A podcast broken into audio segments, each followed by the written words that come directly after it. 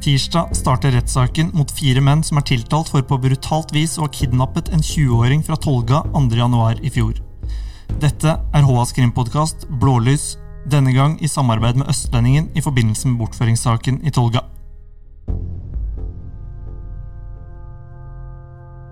Til eh, uka starter eh, rettssaken etter at en eh, ung mann fra Tolga ble kidnappa rett etter nyttår i fjor. Trond Svendsen, du er med i studio her, og vi har også fått med en gjest i dag. Redaktør i Østlendingen, Tom Håkenstad. Velkommen til deg. Jo, takk skal du ha. Eh, det er eh, en svært spesiell sak vi står overfor, eh, og som skal opp i Østre Innlandet tingrett til uka. Og det har, var mye som skjedde i januardagen i fjor. Hva, hva, husker dere fra de dagene der? Det jeg husker, var at husker jo først at det gikk ut en etterlysning som gjorde at medien på en måte kobla seg, seg, på denne her saken. her, Og så begynte jo en aktiv journalistikk å rulle og gå, slik at vi eh, etter hvert begynte å forstå at vi eh, på en måte sto ringside til en veldig alvorlig kriminalsak. Ikke sant? Skjedde jo midt oppi ditt område, dette her, Tom. Tolga, kidnapping, skyting. Det er ikke hverdag. Nei, altså det er jo Når du, når du sier det, tolga, kidnapping, skyting, så viser det i utgangspunktet at det er en uh, unik historie. Men uh, sånn som du er opptatt av, Trond, nå, så er dette ikke bare en unik historie fordi det skjedde langt ute på bygda der det ikke nødvendigvis er mye hard kriminalitet. kriminalitet. Det er noe vi har fått innsikt i gjennom uh, å jobbe med den saken her, som gjør at den saken her nesten kan kalles unik, fordi vi kanskje har sett noe som ikke nødvendigvis er et uvanlig modus, men nå kom det fram i offentligheten. Ja, helt riktig. Ja, for det, det, er jo veldig spesielt, det vi var vitne til i de dagene der. Og som du er inne på her, eh, vi fikk innblikk i et miljø som vi normalt sett ikke får innblikk i. Ja, og jeg tenker at det som blir spennende under rettssaken nå, er å få vite forhåpentligvis i hvert fall enda mer om dette her miljøet her. For at, uh, vi sitter jo slett ikke med noe komplett bilde av, uh, av verken uh, historien eller hva som ligger bak. Altså Her er det, det er mange spørsmål. Og hvem er disse her folka som reiser fra Oslo-området opp til Nord-Østerdalen for å utføre et så alvorlig opplegg. Det, det, her er det mange ubesvarte spørsmål, så de to neste ukene i Østre Innlandet tingrett det blir veldig interessant. Det gjør det definitivt. Men bruddstykker av det det vet vi allerede, både gjennom journalistikken som er utført, og gjennom tiltale som ligger til grunn for uh, rettssaken som starter på tirsdag. Uh, det vi vet, er at tre stykker leier en bil i Oslo, kjører opp til Tolga nesten så fort nyttårsrakettene har eh, stilna etter feiringa i fjor. Og så tar de seg frem til huset der hvor 20-åringen eh, og hans foreldre befinner seg. Hva skjer så? Nei, men altså, Det er der vi kan, eh, uten å på en måte bli beskyldt for å være tabloide eller spisse for mye, si at det som utspilte seg da, det var et reinspikka drama. Uh, for de tre, og vi kan nok komme tilbake til motivasjon uten at vi vet til bunns det seinere, men det de gjør, det er at uh, den ene har med seg en pistol. Den uh, andre uh, har med seg en kniv. En av dem har på seg en skuddsikker vest. Så de har i hvert fall forberedt seg på noe som er ganske alvorlig. Det de, det de, da gjør, er på en måte De banker jo ikke på døra og undersøker hvor den som da har blitt fornærma i saken, er hen. De knuser ei rute, og så herjer de seg fram etter det. Tar seg inn med rå makt, rett og slett. Rett og slett. Mm. Og det vet vi ganske mye detaljert om. Ja. For da de kommer inn i huset, så møter de foreldra til 20-åringen. De retter pistolen mot foreldra og truer med å skyte dem. De utsetter dem for vold ved slag, spark, eh, lugger og dytter mens de leter etter sønnen i huset.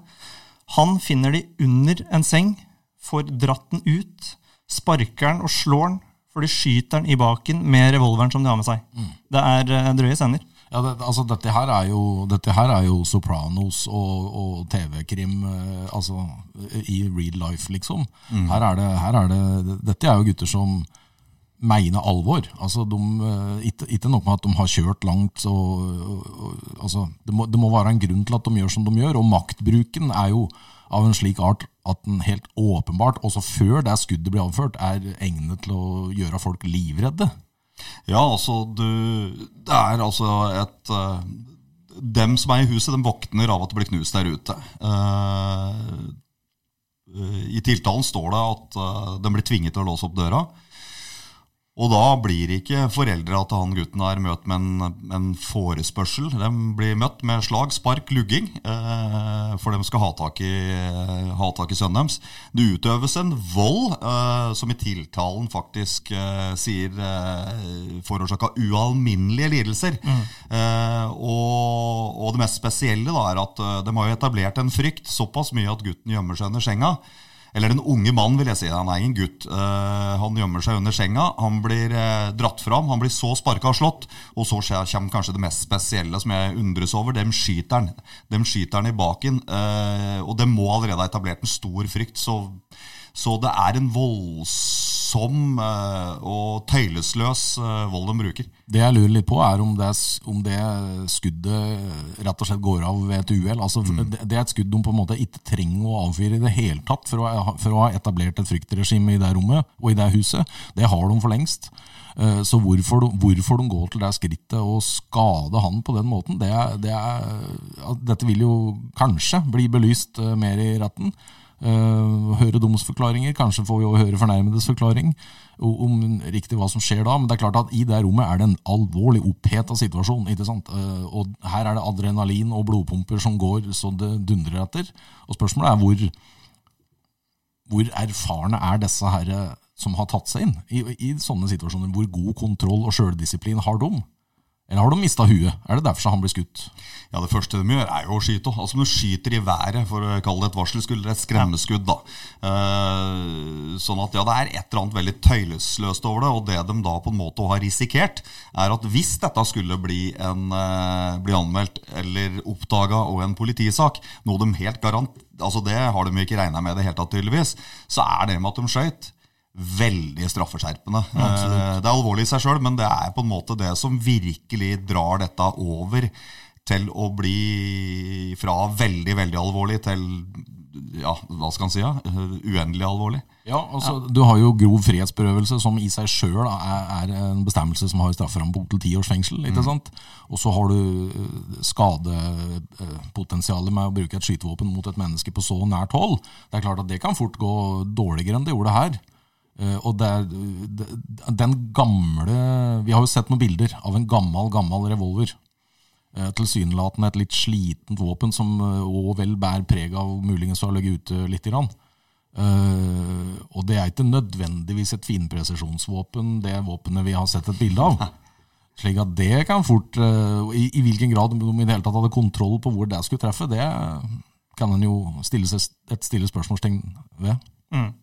Og så går det jo frem av tiltalen at påtalemyndigheten mener jo at det her er eh, planlagt på forhånd, og det fremsto jo også som at det er planlagt på forhånd, sånn eh, ting utspiller seg eh, der. Men de har jo egentlig allerede gjort, skal vi kalle det en tabbe, før de havner på Tolga. For idet de setter kursen mot Tolga, så har de tatt en leiebil som på mange måter kan være med å identifisere hvem som er en av de som har vært med, for Noen har henta ut den leiebilen, og der kreves det identifikasjon for å få ut den. Ja, og det er klart at uh, i dagens uh, moderne samfunn altså legg, Du legger et elektronisk spor overalt. ikke sant? Har du med deg en telefon i lomma di, så legger du et spor. altså Moderne biler, GPS-er altså, Det er mange mange måter å legge et spor på. Og det er klart at denne her bilen her er jo sporbar fra, fra det øyeblikk de setter seg inn ja, for der har uh, selskapet har uh, hele kjøreruta på mm. sine systemer og vet akkurat hvor bilen har kjørt, akkurat hvor den ender opp etter hvert. Vi skal komme tilbake til akkurat der den ender opp etter hvert, men uh, ja, det kan jo indikere, de har mye informasjon. Det kan jo indikere at de ikke eh, gjør sånne ting som dette her veldig ofte. Og at de kanskje ikke har tenkt gjennom eh, alle sider ved det, tenker jeg. Det er det ene, og det andre er at disse her har vært ganske sikre på at de ikke skal bli oppdaga. At de skal skape så mye frykt, at de skal skape en så stor trussel.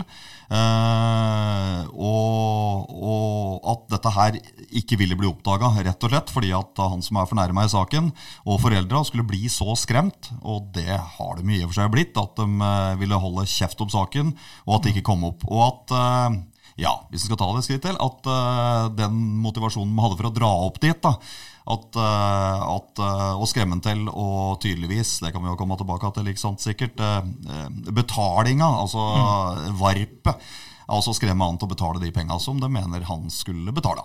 Mm. Så kan vi jo se for oss den Vi kan i hvert fall prøve å sette oss inn i den frykten de må ha kjent på i det huset på det tidspunktet, og ikke minst den frykten som foreldrene sitter igjen med da de tre mennene her drar av gårde med sønnen i huset. Og de blir sittende igjen der etter å ha blitt utsatt for vold og etter å ha vært vitne til at eh, sønnen har blitt skutt. Ja, det er, det er, vanskelig å egentlig eh, på en måte forestille seg helt litt den maktesløsheten som de må ha vært preget av i, i de uh, sekundene og minuttene når den bilen forlater gardsplassen, og de jo med all mulig realisme faktisk ikke veit om de ser den igjen, altså. Det, det, er jo realiteten her. Ja, altså han har jo allerede Altså dem har blitt utsatt for grov vold. Han har blitt utsatt for grov vold, såpass sågar skutt. Mm. Og da er det jo sånn at uh, når de drar ut av døra og røsker med seg han, for vi snakker om røske med seg han og bruker vold videre ut døra og sannsynligvis inn i bilen, så er det jo sånn at foreldre har jo stor grunn til å tro det at hvis vi nå ringer politiet det første vi gjør, så utsetter vi sønnen vår for livsfare. Og uansett, han er i livsfare. Det er jo lett å forstå, sjøl om vi ikke kan sette seg inn i, inn i, i det som pågår oppi huet deres. Eh, vi har jo vært i kontakt med, med, med, faren her, som jo ikke ønsker å uttale seg, det kan en forstå. Ja. Eh, men, men, eh, det er jo ingen tvil om at, at, dette er en familie som har levd i frykt, og den umiddelbare frykten må ha vært helt, ja, nesten uendelig, spør du meg. Mm.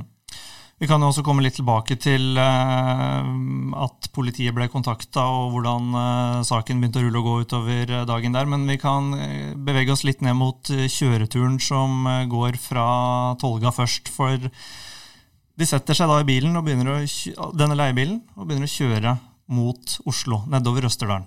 På vinterføre, midt på natta. Eh, og her også så står det at eh, de har retta pistolen mot eh, hodet på fornærma under kjøreturen. De har slått den gjentatte ganger, så volden og truslene fortsetter mot han under kjøreturen.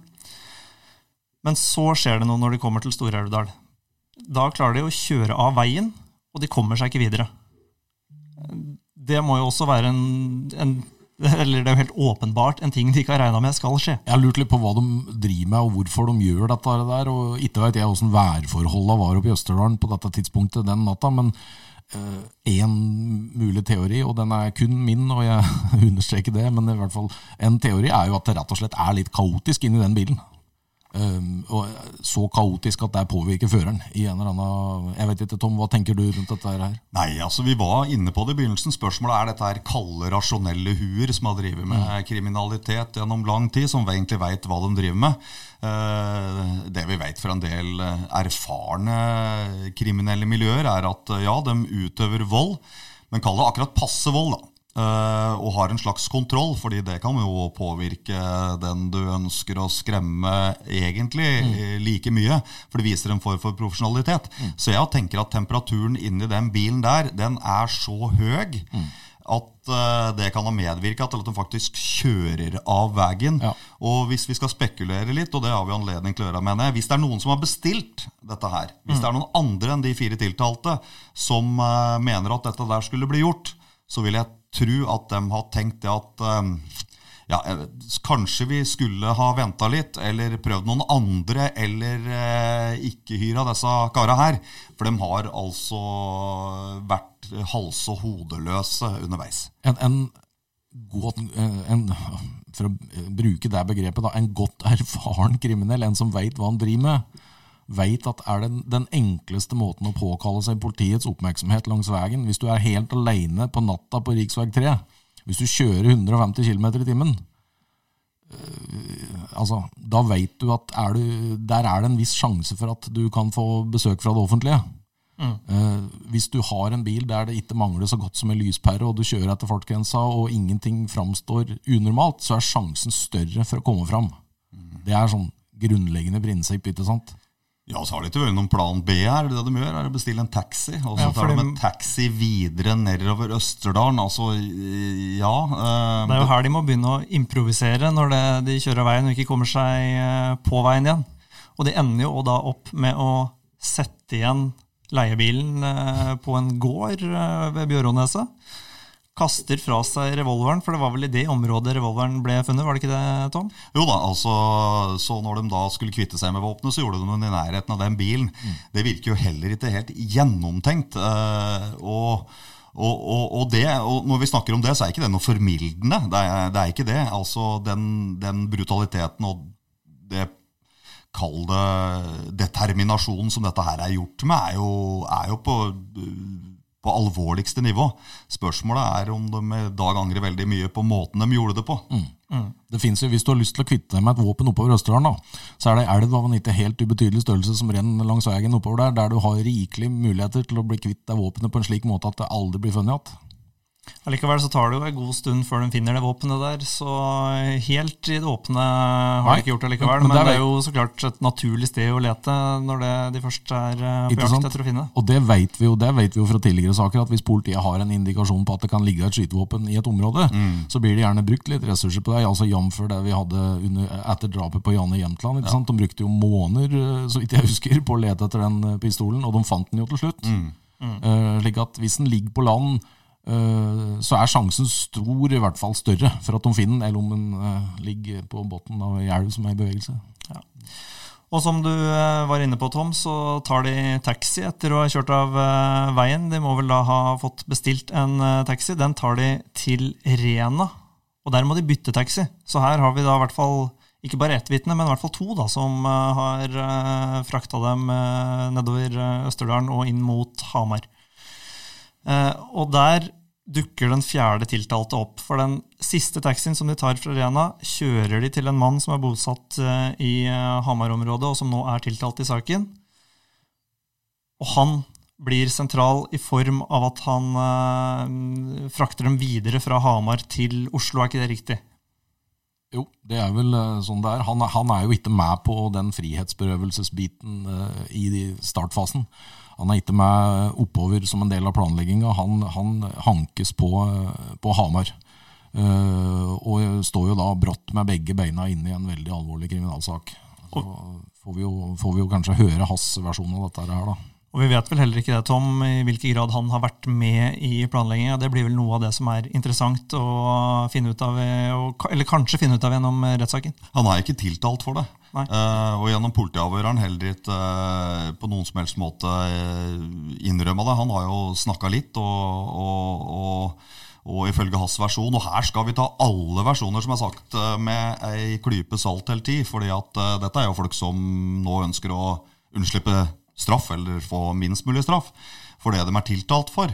Eh, så, så er det jo sånn at han i hvert fall ytrer og sier, sånn jeg har forstått det, at han ble kontakta spontant. Og det er jo, høres jo troverdig ut.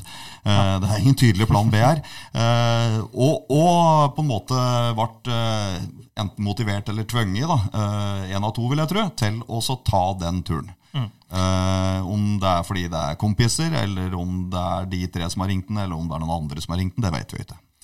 Nei, for det er jo helt åpenbart at Hvis alt hadde gått etter planen, så hadde de ikke hatt noe behov for å kjøre den leiebilen innom Hamar for å få skyss videre. Det er jo uh, den improvisasjonen som har skjedd underveis her, som fører dem til Hamar, på sett og vis. Ja, og så er det viktig å merke seg at sånn straffemessig så står jo han nå i akkurat samme gjørma som resten her gjør. Altså Han er jo, med, han, han er jo juridisk sett tiltalt for den samme frihetsberøvelsen, selv om han ikke var en del av den fra starten. Ja, og så er det noe med at eh, du drar tilbake til Hamar. I Hamar så har du også en risiko til. Det er at eh, den som var fornærma her, eh, eller er fornærma her, altså han som ble bortført, han holdt jo til i Hamar. Han var på ferie han, hjemme hos foreldra sine. Han er jo bosatt i Hamar. Og nå er jeg veldig sånn på spekulasjoner, men altså dra tilbake til en plass der folk veit hvem han er. Ja. Eh, For så på en måte å dra videre gir jo en ytterligere risiko. Øker risikoen for å bli oppdaga, helt ja. klart. Ja. Helt klart. Ja. Ja, det er det jo ingen tvil om.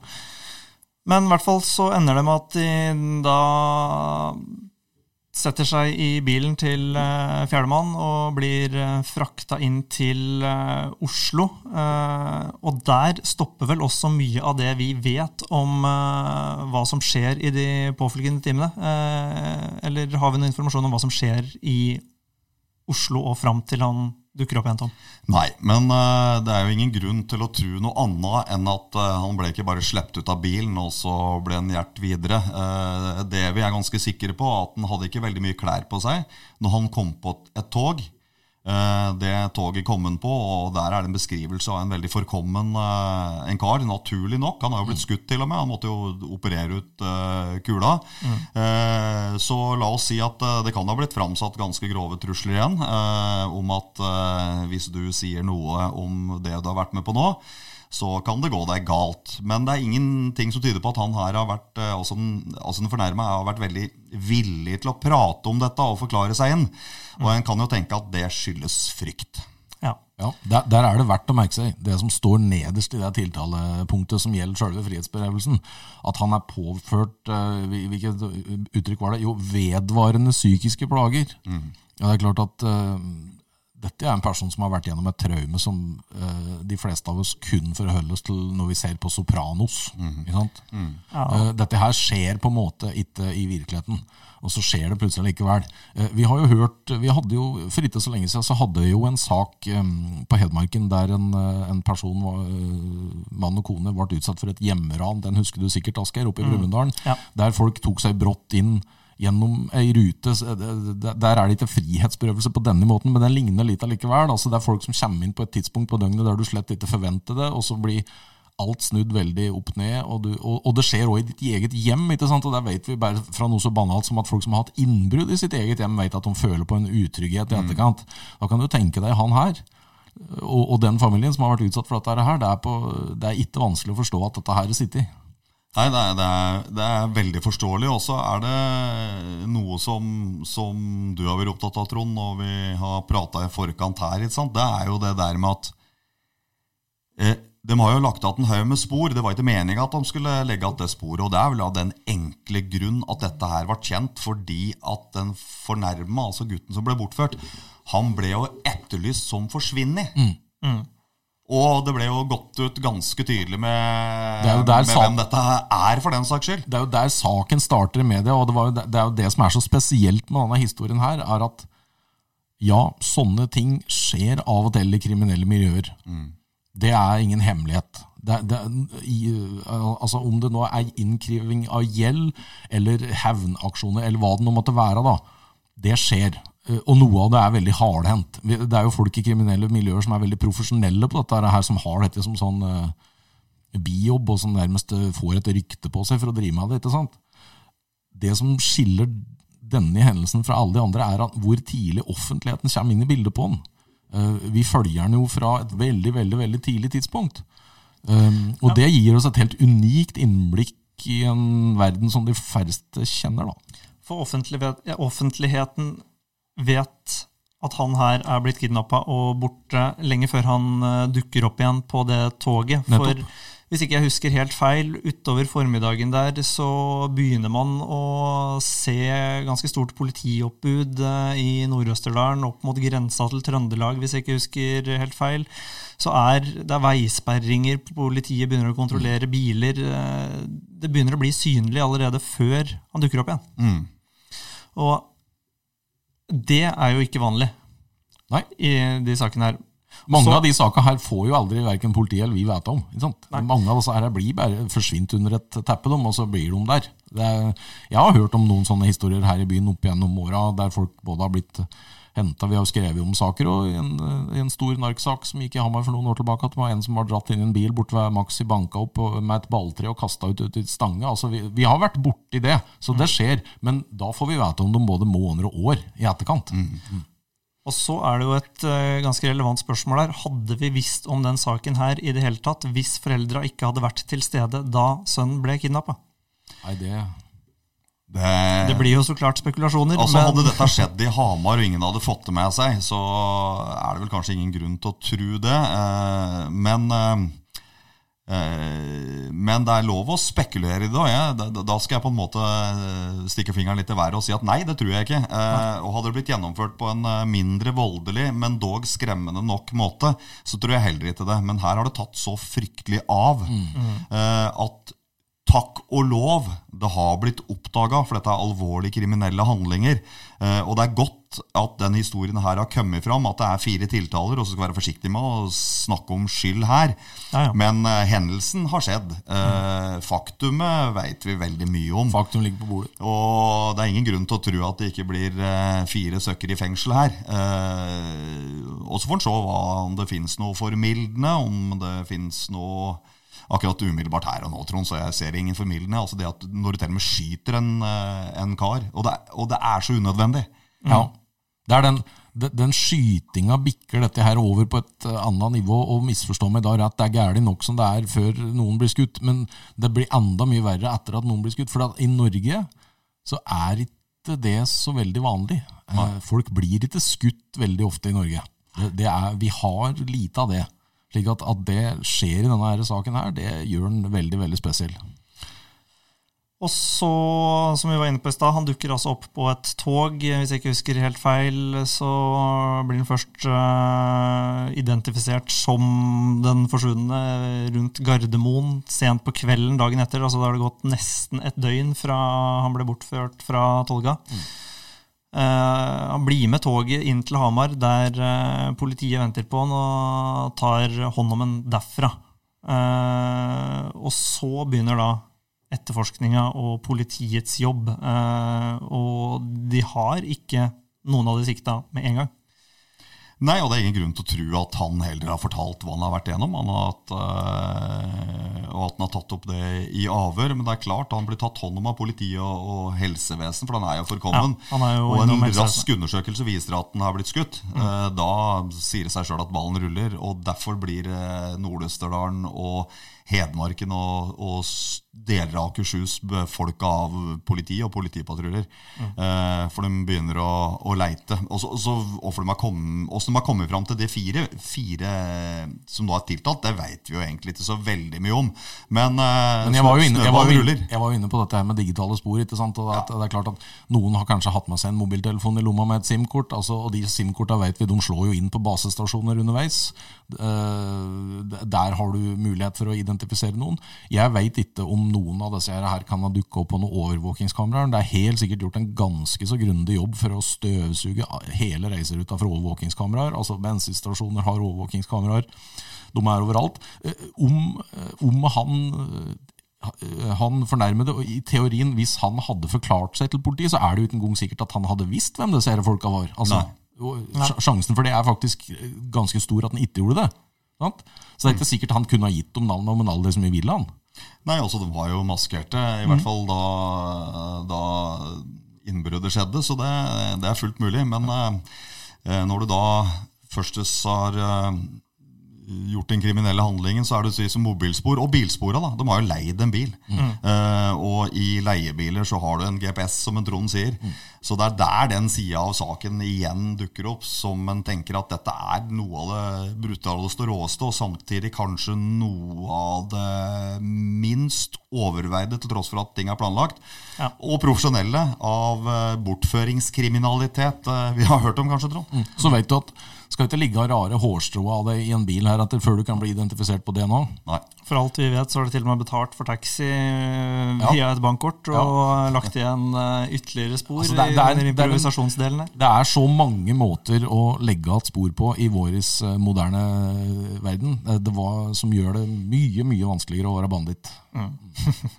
Og så skal det jo presiseres da at, eh, at det er en annen del av det her som kanskje er veldig, veldig, veldig straffemessig spesielt og interessant. da, For politiet og tiltalen beskriver jo et miljø, og er inne på det som gjør at vi kan prate om en motivasjon for det som skjedde. Nettopp. Ja. Vi kan bevege oss litt inn mot eh, bakgrunnen her, for, eh, bare for å ha nevnt det. Det som skjer de neste dagene og ukene, er at eh, politiet kommer på sporet av én etter én av de som etter hvert har blitt tiltalt. Det var vel også, så vidt jeg husker, flere som var sikta her, men som det ikke har tatt ut uh, tiltale mot. Men uh, det er i hvert fall fire som ender opp med å bli tiltalt. Uh, og Så kan vi snakke litt om bakgrunnen her. For de drar jo ikke opp til et tilfeldig hus i Tolga og tar med seg en person derfra. Det er motivasjon som ligger til grunn for at de har dratt nettopp dit og tar med seg nettopp mannen som er fornærma. Jeg nekter å tro at de eh, kjørte helt opp til Nordøsterdalen Nord-Østerdalen eh, om det ikke hadde vært at her er det snakk om relativt betydelige verdier i en eller annen form. Altså, det, ja, Tom, du bruker ordet motivasjon, og det er jo helt riktig ord. Altså, hva får deg til å gjøre dette her? Også, det er klart, Gjør, du, gjør de det frivillig? Da? Det er jo ett spørsmål. Eh, Eller svara de til andre folk i noe system? der vet vi jo ingen verdens ting om, og sjansen for at vi får vite noe om det, er ikke så veldig stor heller, tenker jeg. Eh, hva tror du? Nei, altså det er ingen grunn til å tro at de blir veldig løsmunna. Eh, vi vet vel at de har vært veldig berørte i, i politiavhør og i, og i fengslinger. Altså eh, vist eh, følelser som eh, ikke nødvendigvis har vært veldig tøffe, da, hvis det går an å si det på den måten. Men ja, altså Natt til 2. januar. Fra Oslo-området, Akershus, så er det tre stykker som tar en bil og drar opp til Tolga. Vi snakker om ja, rundt 50 mil kjøring på kvelden og natta. For å hente en kar som da ifølge politiet òg har noen uoppgjorte forretninger. Altså det handler om gjeld, det veit vi.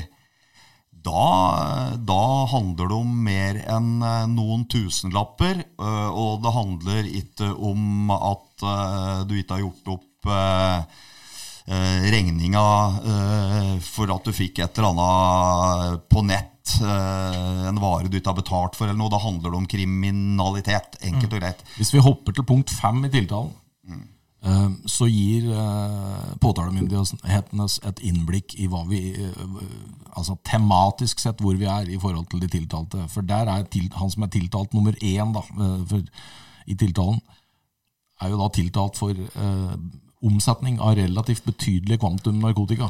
Ja, vi snakker jo om over Altså at eh, han skal ha solgt eh, over fem kilo hasj, over en kilo kokain, eh, nesten fem kilo marihuana og flere hundre gram med MDMA. Det er snakk om ganske betydelige mengder narkotika som er omsatt her, og det ser vi jo også igjen trolig, da, eh, lenger ned i tiltalen, der det er eh, tatt forbehold om eh, at det vil bli påstått inndragning av over 2,4 millioner kroner. Ja. Vi snakker om et miljø der det er penger.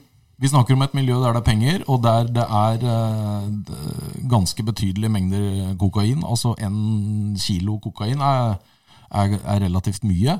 Og det er klart at jeg mener det tiltalepunktet er på en måte med på å plassere skapet litt i forhold til når politiet sier at det tilhører et visst miljø. Ja, hva driver det miljøet med? Jo, der er vi antageligvis ved kjernen, tenker jeg.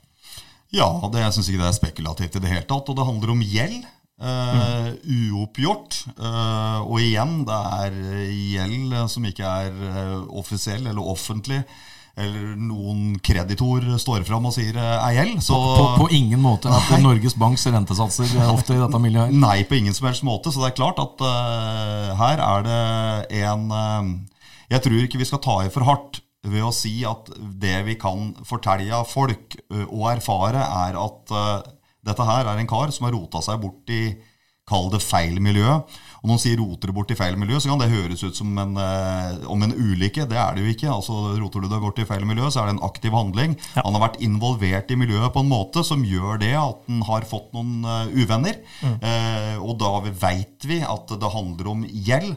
Og da trenger ikke vi å si så veldig mye høyt lenger, annet enn at to pluss to det er fire. Eh, og jeg er ganske sikker på at vi kan sette to streker under fire når vi tar det regnestykket. Men om vi kan sette to streker under noe svar på dette til rettssaken, er jeg faktisk litt usikker på. Det, det skal bli spennende å se hva vi, hva vi får av kalde, harde fakta på bordet der. For det vet vi jo fra tidligere, har vi sett masse eksempler på at folk blir dømt, men uh, blir dømt på en måte i taushet. Altså at de ikke forteller noe mer om det. Det er jo det som um, sicilianere kaller omerta. Altså det sicilianske mafiabegrepet for taushet, ikke sant. Altså du, du, tar, du, tar, din straff, og så gjør du opp for deg, og så, og så holder du kjeft.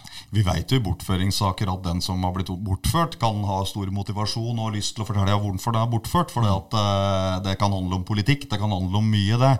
Her har vi en eh, fornærma i saken som ikke har vært veldig villig til å fortelle om hva han har opplevd, og hvem som eventuelt er involvert, eller bakgrunn.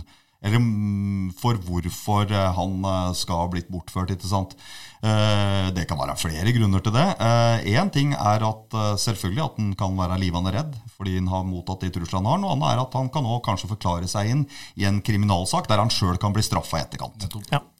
Og det, det, er klart at Så har du jo denne her gylne muligheten da, som vi har i norsk strafferett, som kalles strafferabatt. Altså hvis du tilstår og kanskje bidrar med opplysninger som eh, kan føre til sakens oppklaring, som det heter i jussen. Mm. Så det er klart at uh, Nå får vi nå se da, hvilken motivasjon som eventuelt ligger for deg de, for, de, for, de, tiltalte i denne saken. Men det er klart at skal du, skal du nyte godt av strafferabatt, så må nok den formen for erkjennelse og forklaring komme på bordet i en straffesak litt tidligere enn den dagen du er i rettssaken, for at du skal få nyte særlig godt av det. Mm. Mm. Og så hvis vi Du var jo inne på den der eh, saken eh, med hjemmeran i Brumunddal i stad, Trond. Vi kan jo eh, se litt på den igjen. For også der, der kom det jo noen erkjennelser av straffskyld. Mm. Men ingen ville ta på seg skylda for å ha slått, slått. mannen i huset, selv om vedkommende var påført betydelige skader. Ja, han var veldig alvorlig skada. Og de knytter seg til handlingen. De erkjenner straffskyld, men med en forbeholden forklaring, eh, som ikke sier noe om eh, hvorfor de dro dit. Eh, vi kan kanskje tenke oss at det, det, går an å dra paralleller til den saken her på den måten også. Mm. Hvem skjøt? Hvem, Hvem gjorde hva? Ja. Mm. Og, og veldig spent på Det er jo det som gjør altså ja, altså Det vi kan si, da er at vi kan konkludere med at uh, det skal mye til at de fire tiltalte ikke blir straffa. Uh, det skal veldig mye til at vi ikke får At ikke tiltalen på mange måter blir underbygd. Altså Når politiet tar ut en tiltale, så er det jo som regel med en og her er det en veldig detaljert tiltale mm. med en god begrunnelse, men at vi får noen i retten som forteller hele historien, det, det, tviler jeg på, men en kan ønske det. Og en kan ønske det ikke fordi at vi er sensasjonshungrige journalister, men fordi at dette er en sak som er verdt å oppklare. Mm, dette er en sak som, eh, som, det er viktig at blir skikkelig opplyst, sånn at retten kan sette en riktig dom, og at offentligheten etter alt dette som tross alt har vært oppe her, kan få en god beskrivelse av hva som egentlig skjedde. Ja. Og det mener jeg egentlig at uh, både de tiltalte og for den saks skyld fornærmede plikter å gjøre. Eh, men det er lettere å sitte her og si at de plikter å gjøre det, enn det er nødvendigvis eh, motivasjon for dem å gjøre det. Men dette er en sak der jeg mener de kan forklare seg tydelig og solid inn i saken. Eh, fordi det vil være bra for dem sjøl på sett og vis, i hvert fall strafferettslig. Mm. Det vil være bra for de to foreldra som får inntrenger i huset sitt, som trenger en god forklaring på hvorfor det skjedde, og for offentligheten. Mm. Jeg er helt enig. Så gjenstår det å se hva vi får av de svara i retten til uka og i ukene som følger. Der skal jo dere være og følge med på hva som skjer, og formidle det til uh, offentligheten. Uh, takk for at dere var med her, uh, begge to. og vi følger jo så klart rettssaken gjennom de ukene den pågår, og kommer med det siste fra retten underveis. Takk for at dere hørte på. Så høres vi igjen senere. Podkasten Blålys er laget av Asgeir Høymoen og Trond Svendsen.